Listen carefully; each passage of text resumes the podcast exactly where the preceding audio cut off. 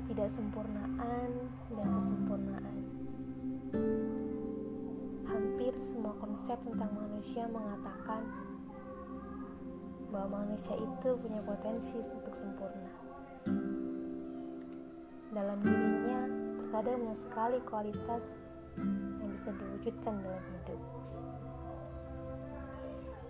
Tapi sekaligus juga banyak orang bilang dan kita yakini tidak ada manusia yang sempurna. Manusia adalah makhluk yang paling mulia. Tapi kenyataannya tidak ada manusia yang sempurna. Semua manusia ada salahnya. Lalu kita yang mana?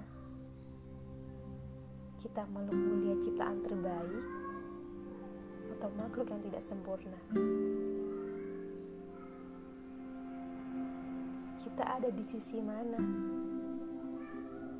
Kita hidup ini mau mengejar kesempurnaan atau mau menerima saja?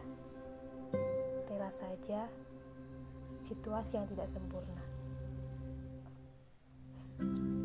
Dilema.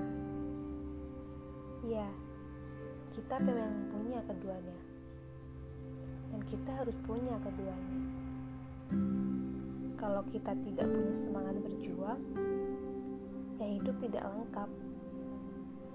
Tapi kalau kita tidak punya rasa menerima juga, kita akan sering kecewa.